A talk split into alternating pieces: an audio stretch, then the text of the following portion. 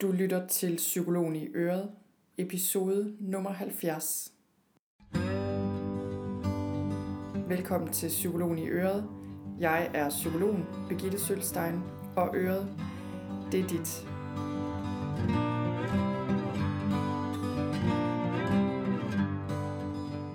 Velkommen til. I dag der har jeg en ganske særlig gæst her på podcasten. Hun hedder Mia My Tastesen, og hun er psykolog og åndedrætsterapeut. Og jeg ville gerne lave en episode med en anden psykolog, som arbejder med angst, og som også bruger det i sit arbejde, øh, at hun selv har oplevet angst. Og det har jeg været på udkig efter et stykke tid, og da jeg så faldt over Mie her og gik ind på hendes hjemmeside og hørte lidt om hende, så vidste jeg bare, at øh, der var en genklang her, og jeg er super glad for, at hun havde lyst til at være med. Mie My, hun er som sagt psykolog, og hun er indehaver af klinikken Act and Breathe, som ligger i Odense. Her laver hun individuel terapi, og hun arbejder både med samtale og med åndedrætsterapi. Hun holder foredrag, og hun laver Act and Breathe workshops. Hun laver også kurser for professionelle. Hun laver retreats for behandlere. Hun laver forskellige ting, og det hele kan man læse inde på hendes hjemmeside, som jeg linker til i noterne til episoden i dag. Hun er også gift og er mor til to børn, og jeg vil bare sige, at jeg glæder mig rigtig meget til at dele vores samtale her på podcasten i dag. Det første, du kommer til at høre, det er et lille udsnit af den åndedrætsøvelse, hun lavede med mig, inden vi gik i gang med vores samtale. Og det var en seance på omkring en halv time, og det var bare helt fantastisk. Og det snakker vi også lidt om i begyndelsen af samtalen, hvordan det var. Og ellers så kommer vi ind på det at leve med angst, når man er psykolog, og hvad det betyder både for en selv og også for andre, når man er åben omkring det og bruger det i sit arbejde. Så snakker vi om åndedrættet og åndedrætsterapi, og hvad det kan give, og hvordan det her med at gå ind i åndedrættet, det kan bringe os et helt særligt sted hen. Øhm, min oplevelse, det er, at i den her type af øvelser, og også da Mie My lavede den med mig, der trådte jeg ind i sådan en helt anden dimension. Og i virkeligheden, så har jeg den her oplevelse af, at jeg, øh, jeg træder ind i virkeligheden på sådan en helt anden måde, hvor alt bliver mere klart, og jeg kommer i kontakt med kroppen og noget, der er større end mig selv. Og øh, den oplevelse kunne jeg unde alle. Jeg kan virkelig anbefale det, hvis du har brug for at komme i kontakt med kroppen, øh, og i det hele taget kan jeg bare anbefale at prøve den her type åndedrætsøvelser, fordi det er altså en rigtig stor oplevelse. Jeg glæder mig til at dele det hele med dig. Lad os hoppe over til samtalen. Ja, så jeg guider dig stille og roligt ned i, i det, vi kalder for et, et sådan connected breath, altså et sammenhængende åndedræt, hvor man trækker vejret lidt hyppigere, end man gør normalt, men stadigvæk på en rolig og afslappet mm. måde. Ja. Så jeg guider dig stille og roligt ind i det. Skal jeg lukke øjnene eller hvad? Ja, meget ja. gerne. Så hvis du starter med bare at trække vejret. Ja,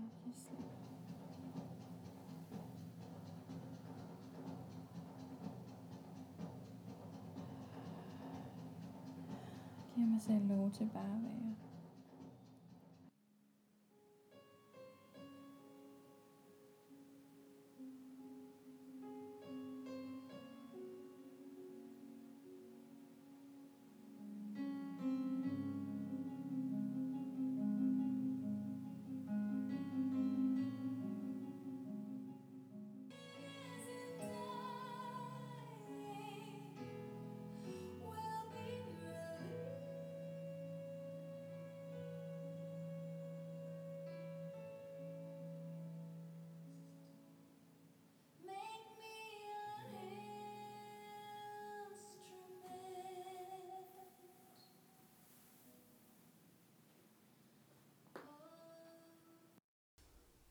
Det var en rigtig god oplevelse.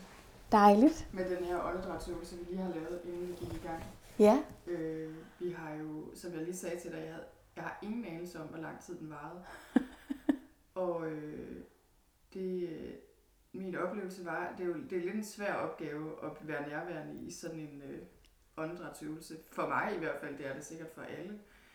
Men du ved, noget af det, jeg lagde mærke til, var det der med, først så havde jeg en diskussion med mig selv om, nu skal jeg også gøre det rigtigt, fordi jeg er jo også psykolog, og du er psykolog, og jeg må ikke blive for følelsesmæssigt påvirket lidt, men ikke for meget. Ja. Alt det der, ikke? Jo. Hele den der indre dialog. Ja. Er det også noget, du oplever, eller hvad? Selv, eller med de folk, du arbejder med, at det er ligesom noget, der er på spil? Jeg vil sige, jeg tror noget af det, der sådan oftest kommer, det er den her oplevelse med at have ligget og overvejet, om man gjorde det rigtigt. Ja. Jeg tænker jo egentlig, at det, det er meget et kendetegn for, hvad mange af os også gør i ja. vores dagligdag. Ja. Hele tiden de der evalueringer, vi har omkring os selv. Gør jeg det rigtigt? Gør jeg det rigtigt? Er det nu godt ja. nok, det jeg gør? Ja. Og det samme udspiller sig i åndedrætssessionen. Ja. så det er, ja. jeg, jeg hører det rigtig, rigtig tit. Og det er jo det er meget interessant, fordi jeg, jeg, jeg oplever mig selv som sådan rimelig meget kontrolfreak i virkeligheden, hvad det der angår. Jeg har utrolig svært ved at give slip mm. og komme ned i kroppen. Det er nok derfor, jeg har brug for at lave så meget yoga og sådan noget.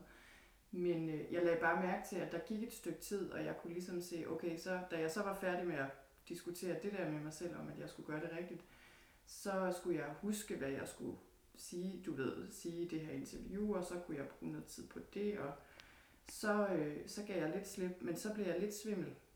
Og så bliver jeg bange for det, fordi det er en af mine ting, når jeg bliver stresset, så bliver jeg svimmel. Ja. Det kan jeg ikke lide. Nej. Og du ved, så skulle jeg lige arbejde lidt med det. Mm.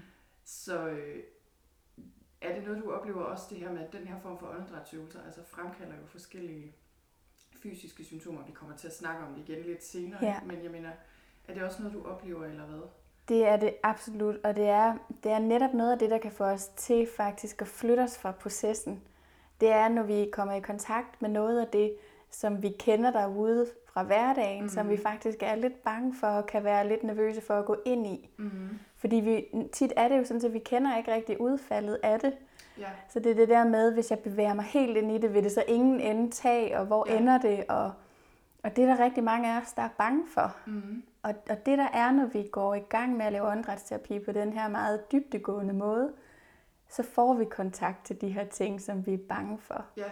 Så det man kan sige, der kan være det gode, det er, at når man har gjort det nogle gange, så erfarer man, okay, jeg kan faktisk godt ligge her med min svimmelhed og trække ja. vejret igennem det. Og næste gang kan det være, at man tør lidt mere og ja. gå lidt dybere og lidt dybere. Ja. Og så er det, at man stille og roligt begynder at kunne oversætte det til hverdagen. Ja. Okay, jeg formåede faktisk at ligge med min svimmelhed eller min angst, eller mm-hmm. hvad det nu end er, der dukker op. Ja. Okay, jeg kan være med den. Ja, og jeg kunne mærke, altså det er jo også det der med, at det tager lidt tid, ikke? Øh, jo. Den der evige øvelse, jeg give slip på kontrollen. Altså jeg var sådan hele tiden, okay, når jeg så opdagede, hvad jeg havde gang i, og ja. jeg tænkte på for eksempel, ikke? okay, tilbage, give slip på kontrollen. Og så kunne jeg mærke på et tidspunkt, da der var gået lidt tid, så begyndte jeg, så kunne jeg godt mærke, at jeg, har det, jeg kender det godt det der, så begynder jeg at komme i the zone. Og så kunne jeg faktisk mærke, at der kom et eller andet, der sådan nærmest rejste sig hele vejen ned fra mine fødder, et eller andet meget stort. Og jeg tror, og så gik jeg ud af det. Altså, du ved, så kom min kontrol igen, sådan, ej, det, det er der heller ikke tid til, eller whatever. Ikke? Det, det, det kan jeg ikke lige forholde mig til nu, eller det tænkte jeg ikke engang, tror jeg, bevidst, men du ved, jeg gjorde det bare. Min krop gjorde det, tror ja. jeg, gik lidt ud af det mm-hmm. igen. Men det er en ret vild oplevelse jo egentlig, ja. når man kommer ind i det der rum. Det er det. Det er det, og det er også, altså der er faktisk også rigtig mange, som beskriver en del af det her arbejde som spirituelt. Mm. Fordi at, at man ofte kommer i kontakt med nogle ret store oplevelser. Ja så i virkeligheden kan man sige, at det er jo, det er jo noget, der tit er dækket under det begreb, vi normalt kalder spiritualitet. Ja. Øhm, så, så i starten, da jeg arbejdede med det, var jeg meget sådan, at jeg bliver nødt til at finde en kasse med min ja. psykologfaglighed og kunne komme det ind i, og jeg kalder det noget andet. Og, ja. Men jeg begynder egentlig at omfavne det mere og mere, fordi at de oplevelser har jo også været en naturlig del af menneskeheden igennem mange, mange, mange tusind år. Ja. Og det er jo også det her med at føle, at når man, vi er en del af noget større, mm. og vi hænger sammen på en eller anden måde. Ikke? Ja. Og den, den er der altså rigtig mange, der også får kontakt til i åndedrætsterapien. Ja, det er altså ret vildt, og det, nu er det et stykke tid siden, jeg har lavet noget lignende, og jeg har haft nogle af de her oplevelser også på store måder, selvfølgelig når man er på yoga eller et mm-hmm. eller andet, ikke? arbejder lidt dybere, og det er bare så vildt. Jeg oplever det næsten som om, der er sådan en helt anden dimension, ja. faktisk, mm. i verden, og den er der jo hele tiden, men problemet er, når jeg bor oppe i mit hoved, hvilket jeg jo gør det meste af tiden, så øh, har jeg ikke adgang til den, men den er der jo lige der. Ja. Ja, og, og det, er jo, det er jo også med det samfund, vi lever i, lever de fleste af os jo meget af tiden i hovedet, mm. det meste af tiden i mm. hovedet. Ikke? Så, så det er jo nok nu mere end nogensinde før nødvendigt, at vi har de her adgang til, hvordan kan vi kontakte de der andre steder i os. Ja. Fordi det er i hvert fald både min personlige oplevelse, men også noget af det, jeg ser hos mange af dem, der kommer i klinikken, at, at det er jo lige der, at der jo også håb. Ja. Der handler det jo ikke om, har jeg angst, eller har jeg ikke angst, eller, ja. men, men, men det der med, at der er noget ja. her, som, som er større end det. Ja, og det er virkelig, altså nu kom jeg her ind i morges, og jeg var faktisk, ikke sige, at jeg var meget stresset, men jeg har haft en stresset uge. Jeg sagde også lige til dig, du ved, vi har mistet en nærtstående, altså et gammelt medlem af familien, men alligevel ikke. Yeah. Det har været hektisk, og i går aftes sad jeg altså fuldstændig undtagelsesvis, der arbejdede til halv 12, tror jeg, det gør jeg aldrig normalt. Nej. Tidligt oppe med toget, alt det her har ondt i nakken. Øh, og så det at opleve, hvad, hvor stor en forskel det kan gøre. Altså jeg, det jeg har gjort er at trække vejret sammen med dig i den her øvelse i, hvad var det, en halv time? En halv times tid, ja. med at bruge det er fuldstændig som at gå fra, øh, jamen jeg ved ikke fra A til B, jeg ved ikke, hvordan jeg skal sige det, men altså du ved, ligesom, okay, jeg følte, jeg landede her, ja. og var her lige pludselig i virkeligheden. Ja. Og, øh, og jeg kommer til at tænke på i forhold til angst, som vi også skal tale om, øh, og i det hele taget, når vi har det skidt, ikke, og, og sådan ligesom er kabret af alt det her, at jeg synes, det er så rart at vide, at jamen, det er der, Altså, der er noget andet, og vi har adgang til det. Ja. Og det er ikke nødvendigvis indviklet. Det er selvfølgelig noget, vi skal lære at få adgang til, men, øh, men det er der allerede. Ja. Mm-hmm. Det, øh, ja. Ja, fordi at, at noget af det, der jo sker, og det tror jeg, at, at alle, der, altså det gør vi jo alle sammen, kæmper i en eller anden udstrækning, men, men jeg vil sige, noget af det, jeg personligt har oplevet rigtig meget med angsten i hvert fald, det er jo det der med, at det er svært det er rigtig, rigtig svært i det øjeblik at huske, at vi har adgang. Ja. Fordi det er så overvældende, og det føles så voldsomt, mm. som det gør med dit angstanfald. Ikke? Ja. At, at det der med så faktisk gang på gang opleve, okay, jeg kan faktisk godt både have angst og så mærke, at der er en adgang ja. Til det der sted. Ja. Hvor der er lidt mere ro, hvor der er sådan lidt mere overblik, hvor jeg bare er mm. på en eller anden måde, ikke? så kan det andet rase samtidig med, og det må det ja. gerne. Ja. Men, men at vi godt kan nå et sted, hvor vi også kan observere det lidt samtidig med, at det sker. Faktisk på et tidspunkt, da jeg gav lidt slip, der kom der sådan en tanke til mig fuldstændig spontant, netop, øh, som var, hold da op, hvor vi kæmper hele tiden alle sammen. Altså hvor jeg kæmper, og hvor vi alle sammen kæmper. Mm. Og det var mere sådan en erkendelse, så det var ikke alt det der tankemøller, jeg ellers havde, men det var virkelig sådan en erkendelse, der kom til mig. Yeah. Wow, altså. Øh, og det, det tror jeg, at var fordi jeg var i gang med at give slip. Og så, øh, så noget af det, jeg også lagde mærke til, altså for det første at trække vejret aktivt på den her måde, det gør bare noget ved nervesystemet. Det gør det. Det kan jeg jo mærke i min krop lige nu, hvor meget ro det giver. Øh, og så også musikken faktisk. Mm. Den betød ret meget. Det var jeg helt overrasket over, egentlig. Mm. Det var ligesom om, jeg sådan, det guidede rigtig meget. Øh, er det meget bevidst valg, eller du ved, hvordan er det også en stor del af det for dig, det med musikken? Det er en rigtig stor del af det for mig, og jeg vil sige, at, at det er virkelig også noget, hvor, hvor jeg virkelig nyder det her arbejde, fordi at jo, jo mere jeg også kender dem, der kommer her og kender problematikkerne, der kan man faktisk også bruge noget musik, som understøtter de processer, der er i gang. Ja. Så, så man kan sige, at alt efter hvor vi er henne i processen, kan vi bruge musik, der er enten lidt langsommere, noget der er hurtigere, vi kan bruge tekster. Mm. Det er sådan, I virkeligheden er det jo noget, der understøtter rigtig, rigtig godt. Så ja. det er meget bevidst, og jeg bruger det virkelig mere og mere aktivt faktisk. Ja. Det gør det var jeg. i hvert fald ret stærkt. Mm. Men nu kunne jeg godt tænke mig lige at starte lidt forfra, øh, fordi vi skal snakke om øh, forskellige ting i dag. Mm-hmm. Jeg er så glad for, at jeg har fået lov til at komme her og besøge dig. Det er så dejligt, du er her. Ja, vi sidder øh, i din praksis her, i din klinik i Odense, og her er bare rigtig dejligt. Øh, hvis jeg må, så tror jeg, jeg vil tage nogle billeder her ja. senere, så kan jeg lægge det ind på blogindlægget på noterne til den her episode, så folk lige sådan kan få et blik ind. Har bare rigtig dejligt. Øh, og vi skal snakke om angst og om åndedrættet, og også om det at være psykolog, mm. øh, og det at være stå frem som menneske.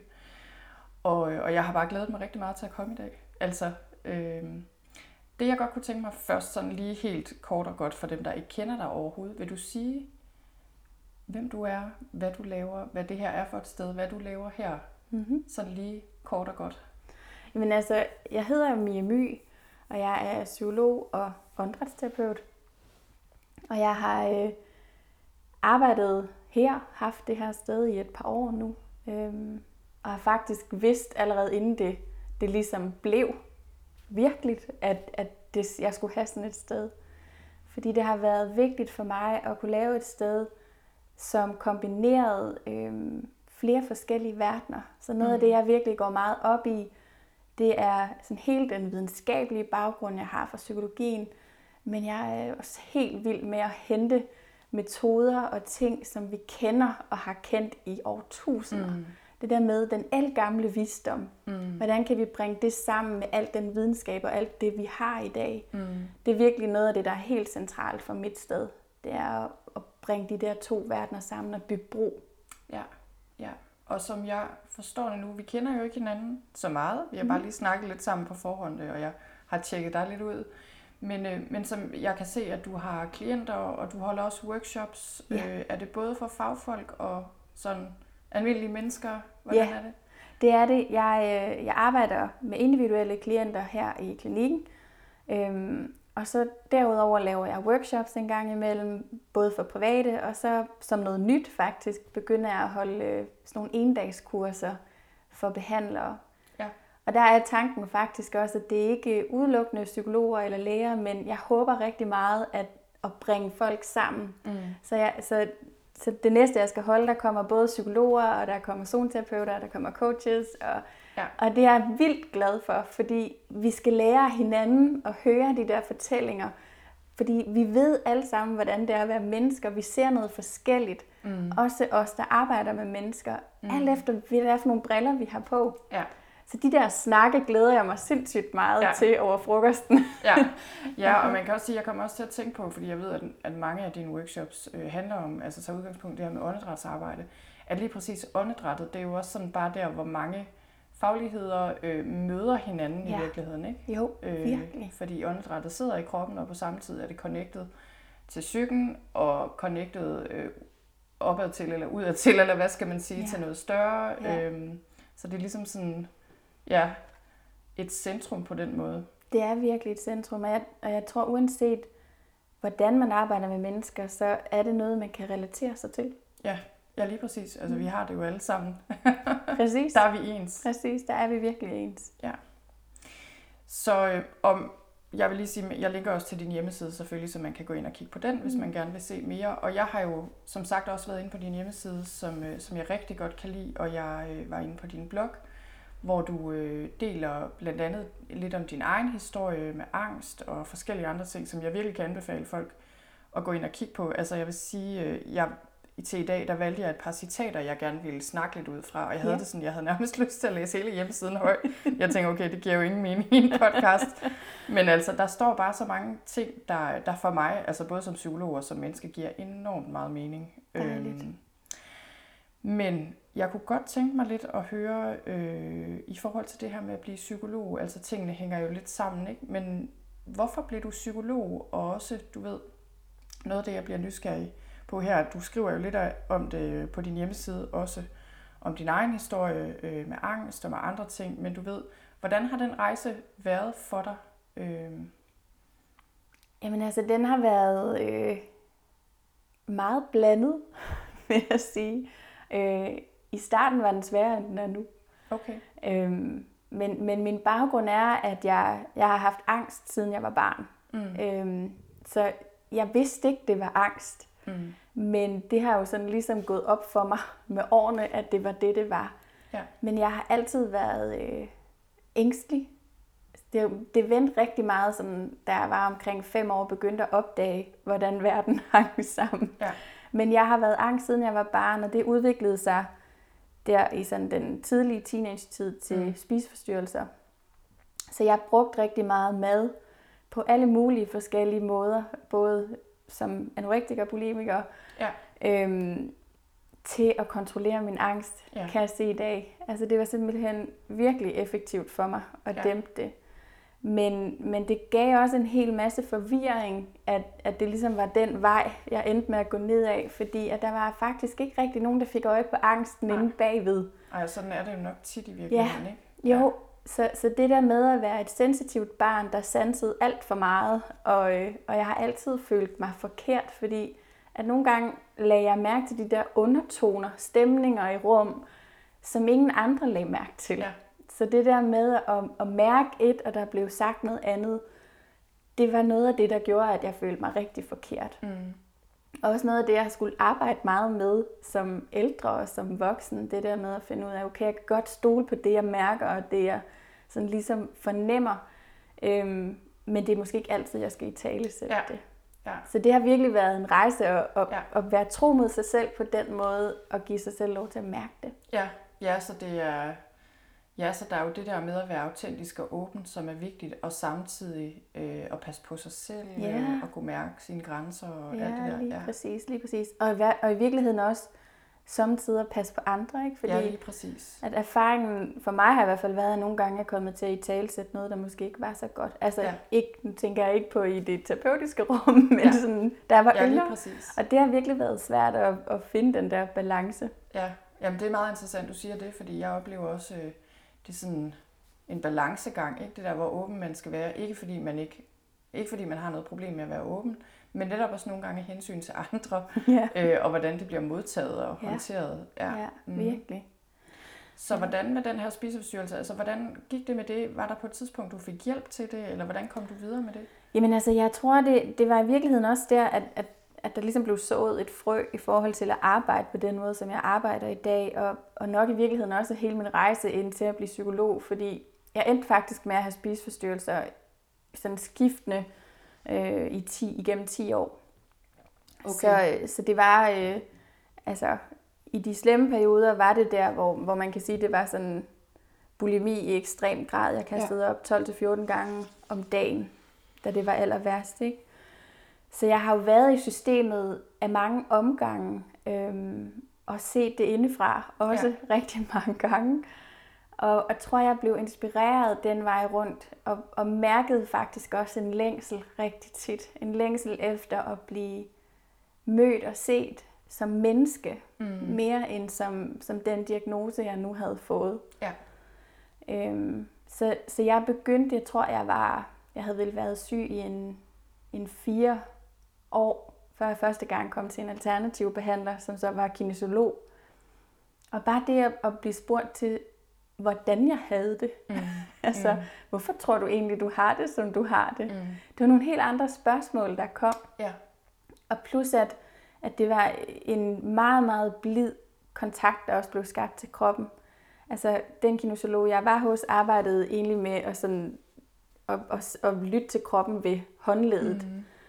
Og bare det, at der var et menneske, der rørte blidt ved mit håndled, det skabte en kontakt. Mm. Kan jeg se nu? Mm.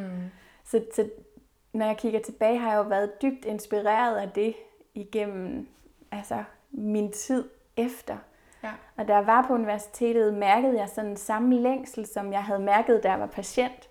Altså det her med, jamen, men hvad, hvad er der inde bag de her diagnoser? Mm. Så kigger vi på anamnesen, altså historien, hvad er det, der ligger bag? Hvorfor udvikler folk det, de gør? Men, men det er jo oftest ikke det, vi i virkeligheden beskæftiger os Nej. mest med. Nej. Sådan mennesket bag det. Ja. Ja. Så jeg, jeg tror på bacheloren kæmpede, altså der var jeg min angst så voldsom, så når jeg parkerede på, ude på parkeringspladsen, så kunne jeg bare mærke, at hele mit ja. alarmberedskab startede. Ja. Og det gjorde det, fordi at jeg ikke var tro ved mig selv. Altså jeg, jeg troede, at jeg blev nødt til at lave om på mig for at passe ind i ja, det system. for at blive en psykolog, eller hvad? Ja. Der ligesom var en rigtig psykolog? Eller? Ja, ja, præcis. Ja, jeg kan vide, hvor mange psykologer, der kan kende det. sidder nok et par stykker derude. Ja. Præcis, og jeg, jeg kan huske, en af de allerførste forelæsninger, jeg havde, der stod en forelæser og sagde, det allervigtigste, når I laver terapi, det er, at I aldrig må vise noget privat. Ja. Og jeg kan bare huske, at jeg tænkte, det er simpelthen ikke sandt for mig. Det er ikke sandt. Mm. Fordi jeg havde jo mærket, hvor meget jeg længtes efter at kunne mærke de behandlere, jeg siddet mm. overfor. Mm. Så, så det kæmpede jeg virkelig med de første ja. tre år. Og så, da jeg var færdig med min bachelor, der øh, begyndte jeg at, at læse øh, en toårig ACT-uddannelse, og jeg begyndte at tage min åndedrætsterapeutuddannelse. Mm. Og så lige pludselig løsnede tingene, så jeg fik mod på at fortælle, hvad jeg havde været igennem. Og, ja. og lige pludselig var jeg bare mig. Mm. Og fandt ud af, jamen prøv at høre, jeg er jo ikke den eneste, der sidder og kæmper til Nej. forelæsningerne og tænker, øh, hvad hvis de opdager, at jeg har haft en ja. spiseforstyrrelse, eller ja. i virkeligheden, så, så tror jeg, at nysgerrigheden på mennesker, nysgerrigheden på, hvordan kan jeg hjælpe andre, den er jo enorm, mm. når man sidder der og har valgt at, at læse på netop det stadie, ja. ikke? Ja, det er, sådan, det er så interessant, ikke? Sådan igen tilbage til det der med, vi snakkede om lige før med hovedet, eller altså intellektet versus kroppen, ikke? og det der egentlig foregår. Øh, at man kan sige, jeg er, jeg er utrolig glad for min uddannelse, og var faktisk meget glad for den også. Jeg trives meget på universitetet, og sådan mm. god til det boglige. Men man kan sige, der er bare, øh, jeg ved ikke om der er en modsætning, men der er i hvert fald, der mangler noget. Altså der er nogle skridt, man ikke kan tage på universitetet som menneske, som man må tage altså i livet og andre veje, øh, yeah. terapeutisk efteruddannelse osv. Det er der også mange psykologer, der gør. Men jeg kan helt klart genkende den der oplevelse af, at der mangler noget. Øhm, jeg kan huske, at jeg nåede til et punkt, det var så da jeg var ny psykolog, hvor jeg begyndte at kede mig med mit fag. Og jeg var simpelthen kommet så langt væk fra det, der egentlig oprindeligt var årsagen til, at jeg også var interesseret i psykologien, at, øh, at det tog mig lige lidt tid at finde tilbage til det, simpelthen. Ja. Og da det så gik op for mig, wow, altså jeg kan gøre det her på min egen måde, det er jeg sådan set stadig i gang med at finde ud af, tror jeg, så, øh, så gav det bare så meget frihed. Altså det var sådan en ja. lettelse. Præcis. Men, men jeg tror faktisk, mange psykologer arbejder med det, ikke? Sådan bevidst eller ubevidst kæmper med det. Ja. Hvordan er det, man kan være psykolog som menneske, mm-hmm. øh, eller omvendt menneske øh, først, ikke? Øh, med den her titel. Ja. Fordi der er noget med det der med den akademiske psykologi og evidensbaserede undersøgelser og alt det her, ikke? Mm. som godt kan fjerne sig rimelig langt fra, hvad tingene egentlig handler om. Mm. Ja, og jeg tænker også, altså noget af det, som, som jeg virkelig har tænkt meget over, det er også det her med, jamen, hvor går vi hen, når vi kæmper? Mm. Hvem går vi til? Og, og er vi så autentiske, når vi er der? Mm. Altså det der med at have opdaget sig selv sidde, altså det har jeg i hvert fald gjort flere gange, sidde hos min supervisor, særligt før jeg kendte hende så godt, som jeg gør nu, ikke? Og, og gemme lige til toppen af det. Ja. Fordi, ja. ej, hun, altså hun skal jo tro, det er helt nej, galt. Nej, nej, jeg skal ikke virke alt for fucked up, fordi så anmelder hun mig bare til Socialstyrelsen eller et eller andet. Ja. og, og det er jo i virkeligheden dybt problematisk, det ja. der med at sidde og tage toppen af kampen, fordi at, at være bange for autenticiteten på den ja. måde, ikke? Ja, og det ligger jo meget godt i tråd med, at du har valgt ACT, altså som et af dine, en af de veje, du har gået. Ja. Øh, og, det, og det er virkelig også noget af det, jeg er så glad for ved den tilgang at det bliver muligt at rumme begge dele. Ikke? Altså jo. selvfølgelig er man psykolog, og man har ekspertisen, og vi har visse metoder, vi ved virker, og ja. alt det her, som vi arbejder med. Og på samme tid er det vigtigt at være der som menneske. Mm-hmm. Øh, det er også en del af det. Det er det. Del af vejen frem. Det er ja. det. Det er det, og, og det der med, at, at det ikke... For mig er ACT virkelig også en metode, der bygger bro. Altså som som netop siger, jamen vi er her som mennesker med alt det, som vi har med, men det gør netop, at, at der sidder ikke nogen her, der er ekspert. Vi, hedder, vi sidder her som to mennesker, ja. der kan være nysgerrige sammen på, hvad er det, der sker. Så det kan godt være, at jeg har en metode med, og jeg kender al videnskaben bag det. Ja, men når vi sidder i det her rum, så er vi to mennesker. Ja, det er det. Og det synes jeg er så fedt for mig, at, at altså, det er noget andet, end at der sidder en, der er eksperten, og en anden, der, der skal lære. Ja. Øhm, ja. ja. Så det var virkelig noget af det, som jeg forelskede mig meget i ved ACT. Det var det der ja. med, hov, åh, jeg skal ikke fikse noget som helst, men vi kan være her sammen, og jeg er her i din proces. Ja. Og lad os se, hvor det ender. Ja, og det er det der, altså der er mange paradoxer i det her, ikke? fordi der er jo også noget med, altså selvfølgelig vil det også være absurd på en eller anden måde at sige, at du ikke er ekspert, fordi du har en lang uddannelse og efteruddannelse og ved meget og har masser af erfaring. Så det er jo den der, det, er det der paradoks på en måde, som man skal kunne rumme. Ja. Og jeg synes, øh, altså jeg tænkte på, da jeg læste på din hjemmeside, der er noget, jeg, jeg godt lige vil citere, fordi jeg synes, det var så rammende, og jeg, og det fik mig til at tænke, jeg ved, om, jeg ved, om det er nemt for dig at gøre det på den her måde, fordi jeg synes, det kan være svært at finde den balance mellem øh, at dele ud af mig selv som menneske, eller være der selv som menneske, og så samtidig være psykolog. Øhm, men nu nævner jeg lige det her citat, som man også kan gå ind øh, på din blog og læse, hvor du skriver om det her med at leve med angst. Så skriver du, det er ikke svært for mig at dele ud af alt det svære, der var, alt det, der var fortid. Men hvad så, når der dukker tråde af det gamle op? Hvad så, når Hvad når angsten og tristheden i en periode overvælder? Du bliver opdaget. Hvis nogen opdager, at du stadig har angst indimellem, så kan du ikke længere være psykolog. Den tanke er den første, der altid dukker op. Den dukker op, fordi jeg bærer rundt på en følelse af skam over, at jeg ikke har fikset angsten en gang for alle. Øh, og jeg vil sige, altså da jeg læste det så tænkte jeg, det kunne lige så godt have været mig, der skrev det, og, og mange andre psykologer, altså så kan man, kunne man måske lige skrive noget andet end angst, ikke? Øh, mm-hmm. stress eller depression eller sorg eller hvad det nu er. Men, men, men jeg tænkte virkelig, da jeg læste det her, jeg ved om det her bare er nemt for dig, altså falder det der fuldstændig naturligt, eller synes du også, det er svært, en svær balance? Jamen jeg tror, at, at når vi vælger at, at stå i det sårbare, og dele det og være autentiske omkring det, så er det svært. Mm. Og jeg tror, at, at noget af det, der gør det svært, det er jo også, at, at for langt de fleste, og særligt også for mig selv, altså skammen mm. er jo en følelse, der virkelig lammer. Ja. Så, så det har virkelig taget mig lang tid at nå hen til, at altså, der er kun én vej i forhold til skammen, og det er at være åben. Ja. Fordi skammen den bliver fodret af at lukke ned omkring det, og gå og gemme det, og skjule det, og ingen opdager ja. det. Det er, jo, altså, det er jo rent guf ja. for den der skam, ikke? Så ja. det, det gavner ikke mig, men det gavner heller ikke alle dem, der sidder derude med samme følelse. Det er det, og skammen kan simpelthen ikke ligesom, den kan ikke overleve, når man begynder at tale åbent om tingene. Nej. Det har jeg jo også erfaret. Ja. Det, det, det er to ting, der udelukker hinanden. Det er to ting, der udelukker ja. hinanden.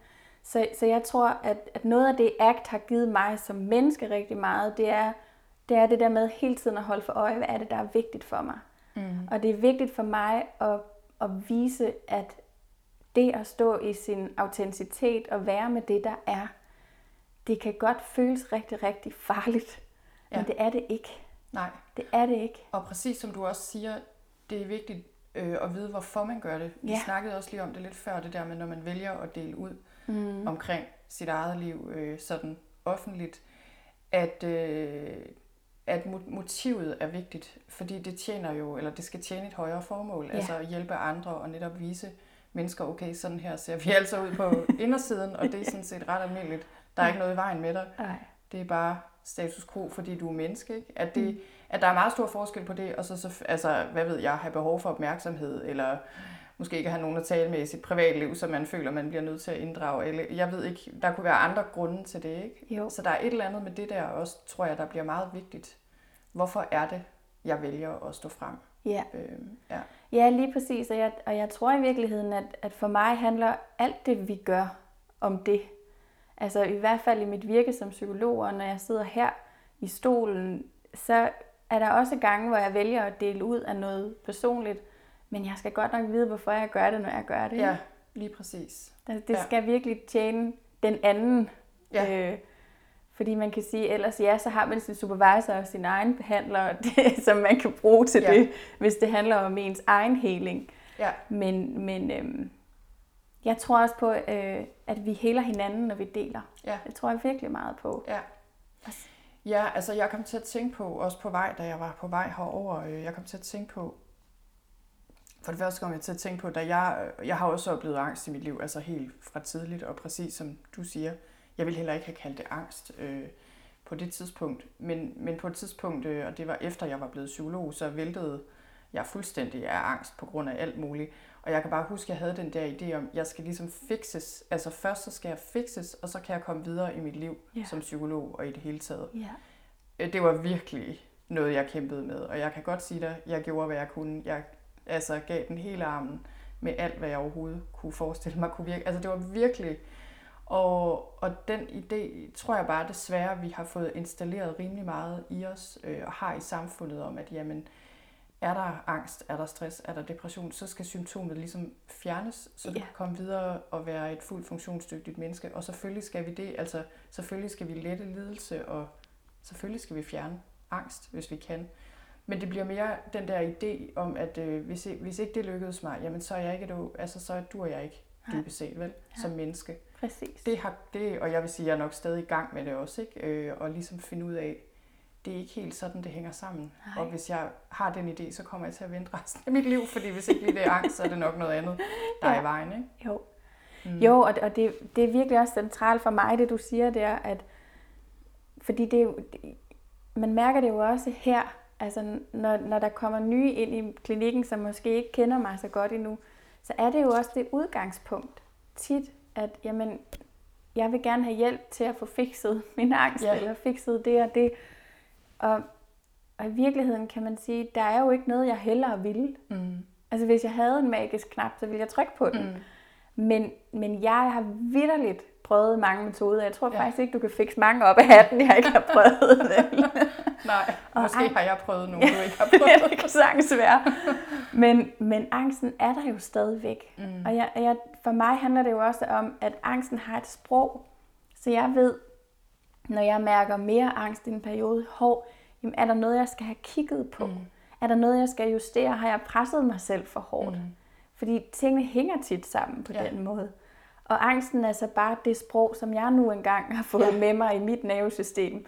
Andre har måske depressionen eller stresssymptomerne, eller, og, og tit hænger de ting jo også sammen. Ikke? Ja. Men, men for mig er det et sprog. Ja. Så, ja, altså. og også man kan sige, det jeg lige kommer til at tænke på, når du siger det, at det der med at lytte til det, det er også noget med at give det lov til at være der. Der er et eller andet, med angst i hvert fald, har jeg erfaret, at jo mere modstand man har, altså så er det først problemerne for alvor begynder at opstå, yeah. hvis man prøver at holde det nede, eller skjule yeah. det, eller yeah. whatever. Ikke? Det, mm. Altså det, det kommer der ikke noget godt ud af. Nej. Øhm, nej, og det jeg også lige ville spørge dig om faktisk, det var, fordi jeg kom til at tænke på det her tidspunkt i mit liv, hvor jeg har kæmpet med det her, og jeg nåede til en erkendelse på et tidspunkt, at okay, det er noget med den her idé om, at jeg ikke må have angst og ikke samtidig kan fungere. Det, det er mere den idé, der er noget i vejen med, måske end det er mig. Og, og det skrev jeg en kronik om. Øh, og så var der faktisk, øh, det var der, der var faktisk enormt mange også psykologer, der skrev til mig og sagde tak for den, fordi de følte, at jeg satte ord på noget, som mange andre psykologer ikke satte så meget ord på, at vi, ja. vi har sådan set også angst og stress. Men der var også en enkelt psykolog, der sagde til mig, at det, øh, det, var, det var at tage håbet fra folk og sidde og sige, at der ikke fandtes en metode, der bare med sikkerhed virkede for alle, fordi og så var argumentet, at der er jo metoder, der godt kan fjerne angst. Du ved, og det, det, det, det har jeg tænkt meget over. Altså, det er jo ja. en meget interessant diskussion. Ja, det, øh, det, det har ikke været min oplevelse, men, men lige da den her kritik kom på banen, der følte jeg mig meget ramt og tænkte, gud, ja, altså, er det det, jeg gør? Eller hvad, altså, måske skal jeg bare lade være med at sige noget om det, og så blive ved med at, at lede efter metoden. Ja. Hvad tænker du om det? Jamen altså, det jeg tænker omkring det, det er, at, at det er jo en, for mig er der meget stor forskel på symptombehandling og, og så det i virkeligheden at, at lære at være i livet på en meningsskabende måde. Mm. Fordi symptombehandling har jeg også oplevet masser af gange, har virket, mm. har lindret en kort periode, men det, er ikke, det har bare ikke ændret på, at angsten stadigvæk er det sprog, der så dukker op, når der er gode grunde til det. Så, så ja, jeg kender absolut den der oplevelse. Jeg har selv ramt den nogle gange, hvor jeg tænker sådan, gud, jamen det kan da godt være, at jeg bare ikke har fundet metoden. Ja, lige præcis. Og jeg, altså, jeg har lige for, for ganske nyligt igen hoppet i sådan en, Nå, så prøver jeg EMDR. Det har ja. jeg heller ikke prøvet endnu. Nej, ikke? Og måske skulle jeg få den og den efteruddannelse. Ja. Det er også bare fordi... Ja, ja så, så jeg tror også, at det er jo... Vi er jo også, mange af os psykologer, fanget i den træning, vi har fået, at mm. jamen, der er jo så så meget evidens for, at angsten bliver fjernet. Ja, eller gør den det? Ja. Altså, ja. Jeg tror, jeg, jeg er i tvivl, og i forhold til, til håbet, for mig personligt har jeg fået langt mere håb, efter jeg har opgivet tanken om, at det kan fikses. Ja. Fordi det, der jo samtidig sker, det er, at hvis vi til vores klienter sælger metoder, mm. der er metoden, mm. hvad så, hvis det ikke virker? Lige præcis. Hvor efterlader det så folk ja. hen, ikke? Lige og det er jeg faktisk mere bekymret for, Altså personligt har jeg oplevet kognitiv adfærdsterapi rigtig, rigtig godt i en periode til at få skiftet symptomerne i, mm. i bulimien, dengang den ligesom rasede af. Men, men angsten og det at, at få ændret sådan kognitionen, tankerne, det har jeg altså aldrig nogensinde lykkes med. Nej. Så det var faktisk først, da jeg, jeg kan huske, at jeg var til sådan en introduktionsworkshop med Chris Irons inden for Compassion Focused Therapy. Ja. Og, og den metode er jo netop udviklet, fordi at, at Paul Gilbert, der har lavet den, blev nysgerrig på, hvorfor er det, at der er nogen, der får det dårligere af den her metode, som, som jo ellers viser, at det fungerer rigtig godt mm. på mange planer. Ikke? Mm.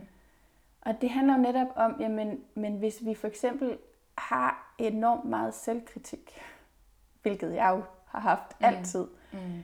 jamen så går vi faktisk bare ind og forværrer det med de metoder, vi får serveret. Ja, så bruger vi det mod os selv. Så bruger vi det mod os selv. Nu sidder jeg her ved landets førende ekspert i en eller anden metode, som alle siger virker, og jeg får det ikke bedre. Jeg det er da klart, det, det må være mig, der er noget i vejen med. Klart. Ikke? Altså, klart. Ja.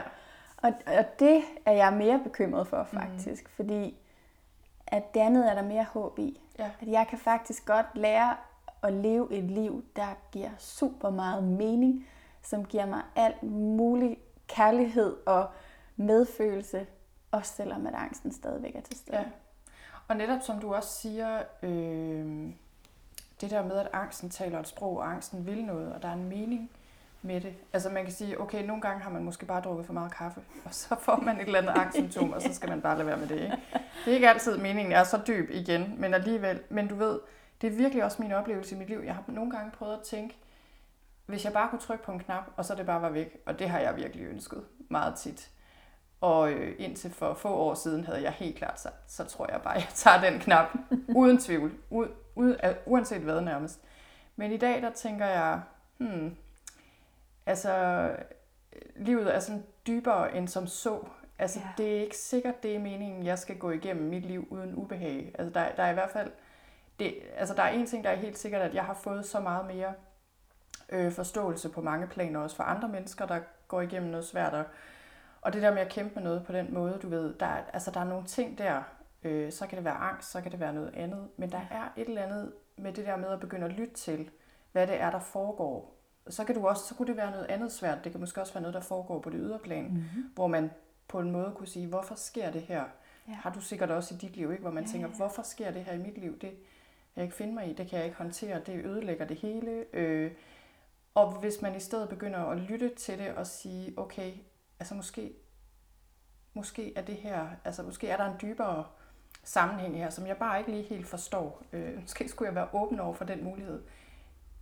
Det, øh, det giver en helt anden udvikling, har jeg følt, ja. som menneske. Ja. I stedet for bare at tænke, den her angst, den skal bare væk, og mm. det skal bare være nu. Ja, ja og, og jeg tror også, at, at det egentlig at give sig selv lov til netop om, at være i den, giver jo også mulighed for, at vi kan mærke andre bedre. Mm. Fordi jeg tror, hvis vi kunne fikse det væk, eller fjerne det, hvor vil det så efterlade os i forhold til at skulle rumme andres ja. kampe, andres angst? Øhm, jeg tror på, at det er noget af det, der forbinder os rigtig meget som mennesker. Mm. Det er, at vi tør være med de kampe. Være med, øh, nej, jeg kan ikke se nogen som helst mening med det her. Det giver ingen mening, at jeg ja. skal kæmpe med det her, eller det skal ske for vores familie. Ja. Fordi sådan vil det være. Vi vil stå i, altså, livet er jo livet. Ja. Der vil komme masser af situationer, hvor man tænker, at det her det er meningsløst. Ja. Men jeg tror, at den følelse er jo også en del af det at være menneske. Ja. Magtesløsheden, når vi mister nogen, vi elsker for eksempel. Ja. Altså, det er jo super svært at finde mening i det, når vi står i det. Ja. Men man kan sige, for mig, den måde jeg er begyndt at kigge lidt på det på, det er, at nogle gange er det ikke sikkert, at man kan finde mening, men der, hvor vi ikke kan finde mening, kan vi faktisk nogle gange så finde kærligheden. Ja, ja lige præcis. Der er rigtig mange ting, jeg godt kunne tænke mig at spørge dig om. Jeg tror helt seriøst, vi kunne sidde her og snakke hele dagen. Men det ville blive en enorm lang podcast episode, og det er jeg ikke sikker på er så god en idé. Så du ved, så nu nævnte du lige det her med self-compassion, øh, som jo også er ekstremt vigtigt, øh, og som jeg også kan se fylder meget i dit arbejde. Det kommer vi ikke så meget ind på lige nu. Men det, jeg godt kunne tænke mig at vende tilbage til, det var det, du sagde lige før, det der med den der magiske knap, eller hvis der fandtes en eller anden magisk pille, hvad der jo ikke gør. Og så vil jeg alligevel sige, øhm, det her med åndedrættet. Mm-hmm. altså fordi jeg vil alligevel sige, hvis der skulle være en magisk knap, så er det måske der, den sidder. Ja. Oplever jeg i hvert fald. Ja. Øh, så det kunne jeg godt tænke mig at vende lidt tilbage til, fordi det, jeg ved, det er noget, du arbejder rigtig mm-hmm. meget med. Og det er noget af det, øh, en af grundene til, at jeg også gerne ville møde dig i dag, var at dele lidt omkring det, altså få formidlet lidt omkring det, ja. for at høre simpelthen, hvordan du arbejder med det, mm. øh, og hvad det er, det, det kan. Fordi det tror jeg bare er, er godt at vide, ja. hvis man har et nervesystem, der er fyldt med stress eller angst, eller ja. Ja, hvis man er et menneske i det hele taget. Ikke? jo. Så, øh, så lad mig lige høre, du er åndedrætsterapeut. Ja. Hvad vil det sige? Jamen altså, åndedrætsterapeut er, øh, er i virkeligheden, kan man sige, den måde, jeg er blevet det på, er, at jeg har taget en, en uddannelse inden for noget, der hedder Transformational Breath. Øhm, det er en, der hedder Judith Kravitz, der har lavet den metode, og, og det er sådan den længste træning, jeg har haft indtil nu. Øhm, og det er en metode, som virkelig arbejder dybdegående med åndedrætsterapien, og rigtig meget også med spiritualitet faktisk. Mm. Øhm, og så har jeg øh, været på nogle kurser og nogle workshops med en, der hedder Dan Boulay, som er sådan en af verdens førende eksperter inden for åndedrætsterapi, og starter her efter sommer med sådan et længere practitioners forløb hos ham også. Okay. Øhm, så det er i virkeligheden endnu en åndedrætsuddannelse. Ja. Men, men han er en af dem i verden, som kender flest forskellige måder at arbejde med åndedrættet på, og det, det kan jeg mærke, at det føler jeg mig rigtig meget klar til mm. nu. Øhm, virkelig, og igen det her med at bygge bro, kombinere, ja. finde forskellige ting, der passer godt sammen. Ja. Så, så det er simpelthen en, en uddannelse, jeg har taget i Transformational ja. ja. Og, det, og jeg tænker, nu kunne vi bruge lang tid på at snakke om, hvad det gør ved det parasympatiske nervesystem og alt det der, når vi trækker vejret. Og det er også vigtigt, men det tror jeg, vi lader være med lige nu. Ja. Øhm, det jeg egentlig godt kunne tænke mig, det var lige at høre lidt mere ind til, altså simpelthen i praksis. Nu har jeg jo lige prøvet det her, inden mm. vi gik i gang, og det var en virkelig god oplevelse. Så det kan jeg kun anbefale til folk. Øh, så kan du, kan du prøve at beskrive, hvordan du typisk, altså hvis du har en, en klient for eksempel med angst, lad os bare sige angst, hvordan er det, det ser ud i praksis? Bare så folk lige kan få en idé om, hvad, hvad går det her overhovedet ud på? Jamen altså, den måde, det ser ud på i praksis, når jeg har folk, der kommer ind til mig, det er, at vi starter ud med at have samtaleterapi. Og det kan variere fra alt mellem en halv time til en time. Og så ud fra den samtale, vi har haft, bevæger vi os ligesom over i åndedrætsterapien. Mm. Øhm, og den måde, det, altså, den måde, det sådan helt praktisk foregår på, er, at man ligger på en madras, hvor at man har nogle tæpper over sig, og man ligger trygt og rart, sådan relativt langt nede på gulvet, mm. kan man vist roligt sige. Mm. Øhm, og så spiller jeg noget musik undervejs og bruger nogle forskellige ord og sætninger, som jeg fortæller til kroppen og til dig, når du ligger der. Mm.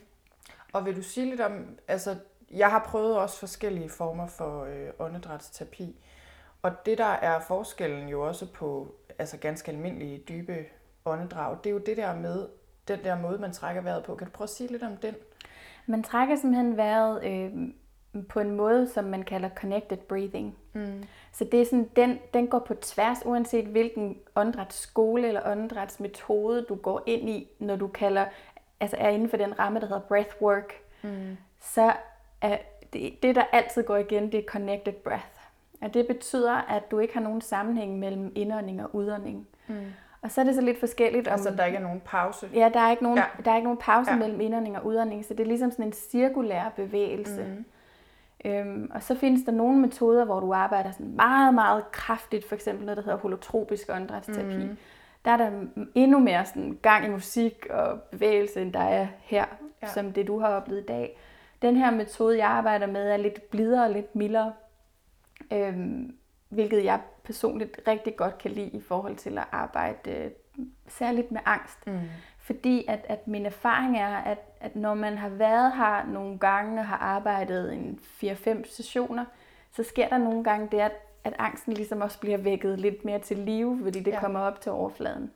Så noget af det, jeg altid starter med at sige, det er, at man skal ikke blive bange, hvis man efter nogle gange oplever, at, at angsten lige bliver mere tilstedeværende i en periode.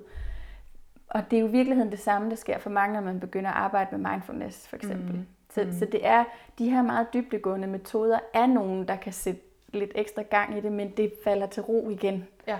Så det er ikke en vedvarende. Min erfaring er, at det for nogen med rigtig meget angst faktisk kan være lidt lettere at gå ind i den her dybe åndedrætsterapi, fordi at det at sidde i mere stille meditationer faktisk kan være virkelig, virkelig svært, ja, hvis der er meget det kan angst. godt være ret overvældende. Det kan det nemlig. Ja.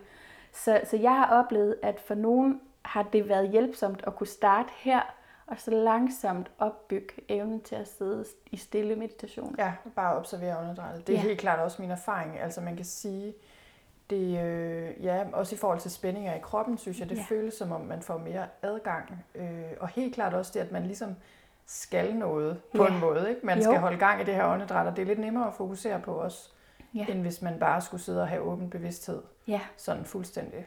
Ja, mm. det er det. Øhm, så, så jeg er, altså rigtig mange af de klienter, der kommer her i klinikken, har angst. Jeg tror måske også, at det er, fordi jeg selv har været åben mm. omkring min egen angst. Ja. Men, men det er en metode, der passer super godt, fordi ja, det arbejder meget med nervesystemet, og det er hjælpsomt, at der mm. er noget, man skal.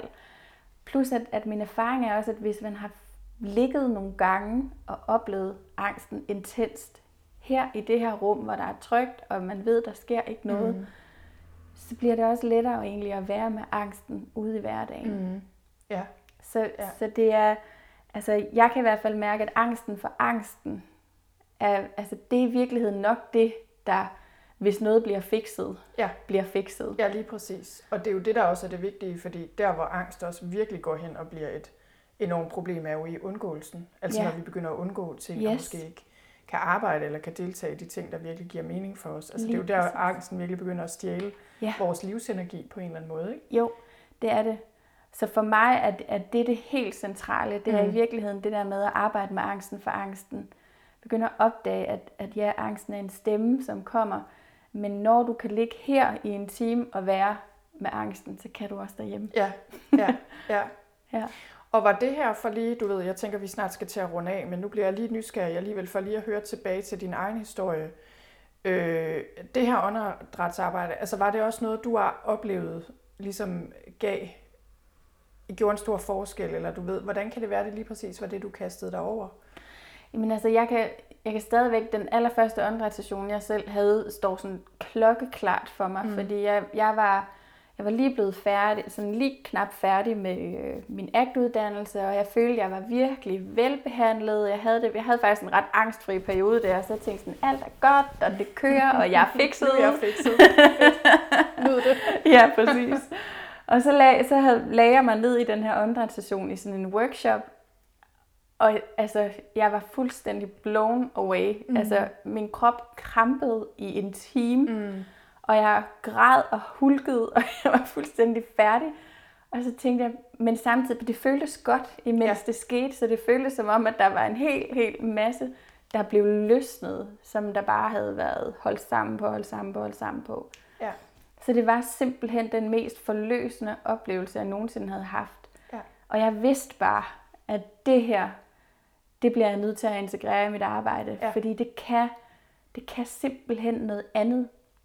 Det der med, at kroppen lige pludselig, altså det føltes som om kroppen fik mulighed for at sætte ord på alt det, der var sket. Alle ja. de gange, jeg havde kastet op, sultet mig selv, alle de angstanfald, alt det der, der var hobet op igennem ja. alle årene, det fik ligesom udløb på en eller anden ja. måde. Det fik lov til at komme frem og op og ud. Ja, ja, så det er jo den der, altså det tænker jeg jo også, der er bare sådan noget naturlov her, der gør sig gældende omkring energi og oplevelser, ja. der kommer ind i kroppen, som også på en eller anden måde skal ud igen. Ja. Eller også sætter det sig fast, ikke, og blokerer energien. Det gør det. Øhm, det gør ja. det. Og da jeg startede med at lave åndedrætsterapi, jeg kunne ikke trække vejret ned i min mave. Nej. Så jeg, altså jeg opdagede det ved, at, at i de meditationer og sådan noget, jeg havde lavet inden når folk sagde, at jeg skulle trække vejret dybt, så var jeg sådan, jamen, altså dybt, det når ned til solar plexus. ja. Jeg kunne ikke få det længere ned.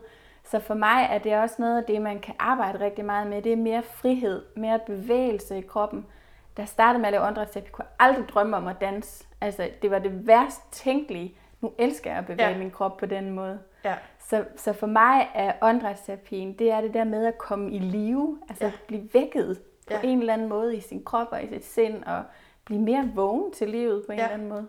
Ja, og jeg, jeg tror, øh, jeg tænker lidt omkring det her, også med specifikt med åndedrætsøvelser, og det der med at gå i terapi også, øh, og få, altså, guide, og blive guidet i det, at det kræver jo også, det er simpelthen også lidt hårdt arbejde, altså det kræver noget fokus, og det kræver noget disciplin. Ja. Og det er svært selv faktisk at mønstre den disciplin og det nærvær, øh, du ved, altså jeg dyrker rimelig meget yoga, men det er svært for mig sådan rigtigt at tvinge min hjerne til alligevel at blive i det så meget, som jeg bliver tvunget til på, på den gode måde her. Ja. Og det er også der, tror jeg, at det gør så enorm, enorm, enorm forskel ja. øhm, at bruge det rent terapeutisk.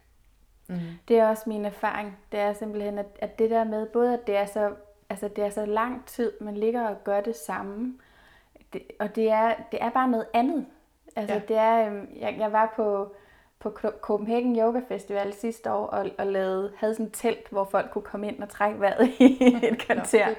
Og det var virkelig fedt at høre rigtig mange erfarne yoga-mennesker, som var sådan, okay, jeg troede, jeg vidste, hvad pranayama var, mm. og jeg kender åndedrættet og har arbejdet med det.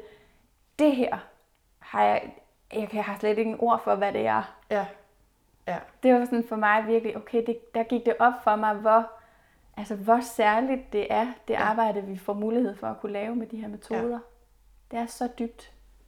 Ja, og jeg tror, øh, jeg tror, vi vil runde af med det. Altså, mm. jeg får lyst til lige at slå en sløjfe på det ved at sige, at, at øh, ja, hvis man sidder derude og, og har rigtig meget angst og stress i kroppen, eller andre ting for den sags skyld, øh, så er det virkelig værd at overveje, om den her mere kropsbaserede tilgang kunne være noget, man skulle prøve enten via åndedrætsterapi eller noget andet for den sags skyld. Fordi det kan bare noget andet. Ja. Øh, og det er jo ikke, fordi samtalen er overflødig, fordi det er den aldrig. Nej. Men, men den her dimension, øh, der handler om kroppen, den er jo bare simpelthen så vigtig, og sådan grundlaget nærmest for det hele. Ja. Så jeg vil sige tusind tak, fordi jeg måtte komme på besøg. Det har været rigtig hyggeligt. Tusind tak, fordi du ville komme. Det har været dejligt at have dig. Jeg håber, at du fik noget ud af at lytte til den her samtale. Jeg ved i hvert fald, at jeg blev meget inspireret af at tale med Mia My. Hvis du gerne vil vide mere om Mia My, så øh, kan du finde hendes hjemmeside på actandbreathe.dk og jeg har også linket til den via noterne til den her episode, som du finder på min hjemmeside på sølvstein.dk-miemy. Tak fordi du lyttede med.